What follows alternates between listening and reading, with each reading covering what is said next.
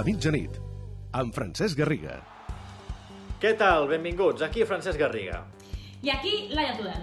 S'acaba el 23 de març i sembla que la bombolla del futbol també es va acabant. Els traspassos de rècord, els sous astronòmics, tot això sembla que no sobreviurà gaire bé a la crisi del coronavirus. Ara us explicarem que el Barça està ja plantejant una rebaixa del sou als seus futbolistes, una mesura que fa un any ens hauria semblat impensable. I segur que el futur del futbol serà diferent. És possible que s'acabin aquells traspassos dels 150 milions d'euros. Uns traspassos que, per cert, pràcticament tots havia protagonitzat el Barça. Perquè l'AIA, el Barça està plantejant que els jugadors s'abaixin el sou, i això és molt novedós. Sí, i és una de les primeres decisions que prendrà el Barça per combatre les afectacions econòmiques del coronavirus.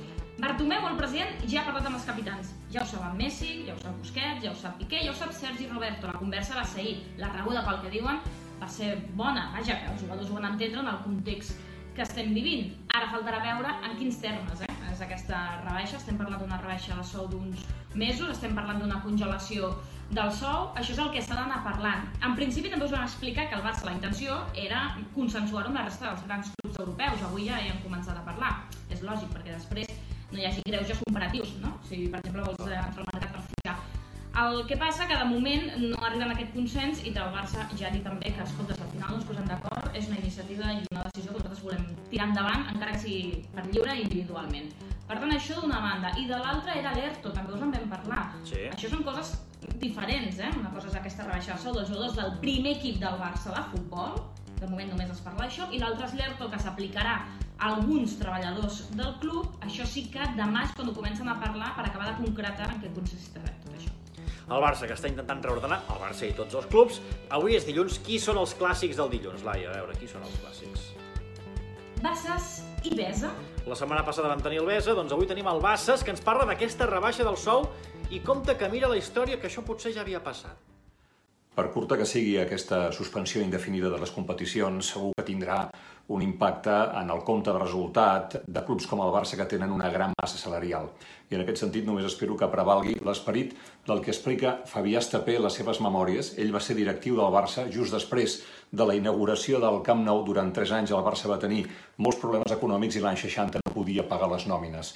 Estaven reunits els directius i van aparèixer una sèrie de jugadors. Atenció als noms. Antoni Ramallets, Juanito Sagarra, Gràcia, Olivella, Jansana i Vergés. Ramallets va parlar i va dir ens han dit que el Barça té problemes de diners i com que nosaltres tots els cèntims que tenim els hem guanyat en aquest club, els venim a dir que el que faci falta els deixem al club i ja ens els tornaran quan puguin. I afegeix l'Estapé, sincerament, per mi en aquell moment allò va ser més emotiu que guanyar una lliga. Afortunadament no va caldre perquè vam aconseguir un nou crèdit amb Banesto per assumir les despeses. Tant de bo hi hagi la mateixa relació ara.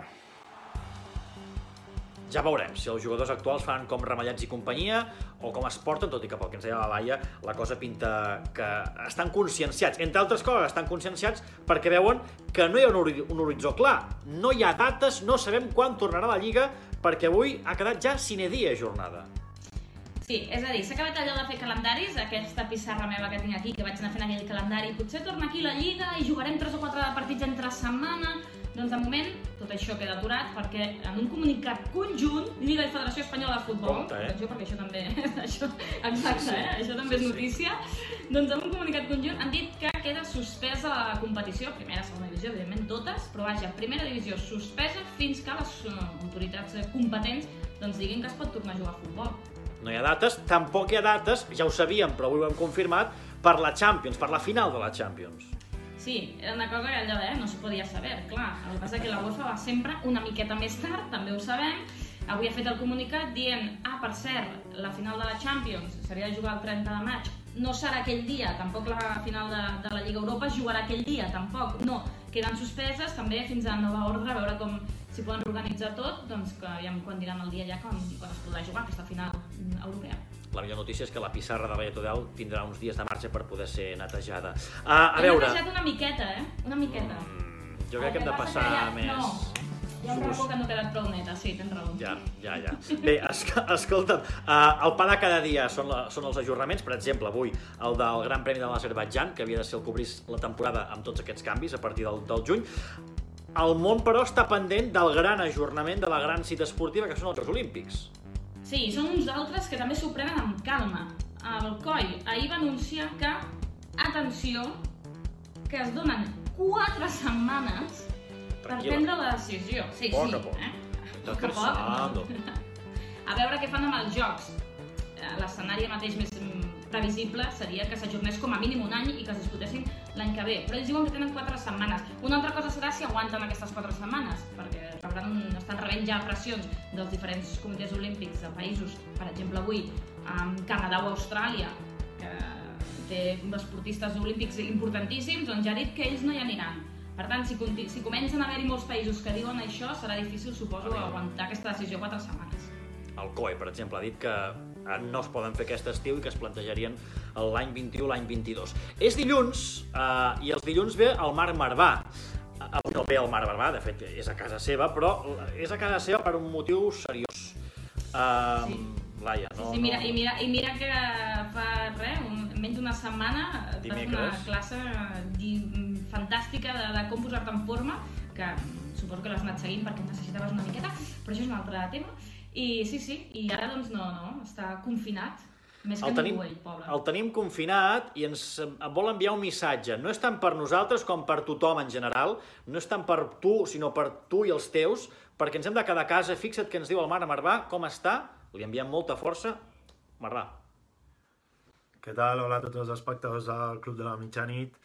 Eh, Bé, us envio aquest missatge des d'aquesta habitació on fa cinc dies que estic tancat perquè ahir els metges, després de tots els símptomes que he estat patint, em confirmaven que he tingut tota la sintomatologia i que encara tinc del Covid-19 i que, per tant, doncs, eh, això encara em, durarà, encara em durarà uns dies, la febre, em durarà el mal del cos i tot el que estem, estem patint. I és un exemple el meu de com aquest virus doncs, arriba a tothom i com aquest virus doncs, la veritat que no coneix ni d'edats, um, ni de fronteres, ni de territoris, ni d'estats uh, físics, ni de res, d'acord? I que, per tant, si aquest exemple que és el meu pot servir d'alguna manera per encara conscienciar més a tothom de que es quedi a casa, a tothom de que sigui responsable, doncs eh, ja estaré una mica més content, perquè és el que toca,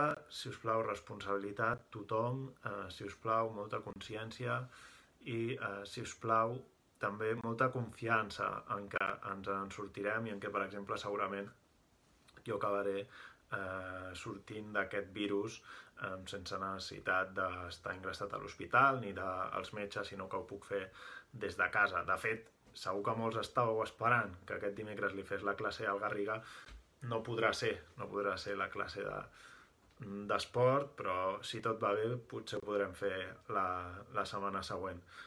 D'acord? Molta responsabilitat, molts ànims a tothom i tot anirà bé, no en dubteu. Doncs molta força, el Marc Marvà, i sobretot feu-li cas, eh? Quedeu-vos a casa, la Laia i jo aquí, en pissarra o sense pissarra, en tele, eh, eh, ens quedem a casa, per tant, per tant feu-li cas. Uh, demà tornem, no, Laia? Sí, i tant, ja ho sabeu, eh? Tenim canal de YouTube, que avui hem fet aquí, l'hem estrenat, diríem, en directe amb l'Autet, Sí, les no, anècdotes. No, no, no s'acaba de veure prou bé, però vaja, estem cada dia Sí, més a tope amb poc les poc, xarxes. Anem innovant. Tens plans Tenim per demà? Instagram els live, tot, tot, sí, tinc, un, pla- eh, tinc planazos per demà. A la una tinc un planazo amb tu a Instagram, d'allà partida i les nostres cuines, és planazo això. No us ho perdeu. Després a la tarda sempre el que hi hagi al club de la mitjanit, doncs eh, ho he de veure. I després a la nit amb tu també, són planazos tu. A distància, però a planassos. Gràcies a tots, fins demà. Adéu. Adeu.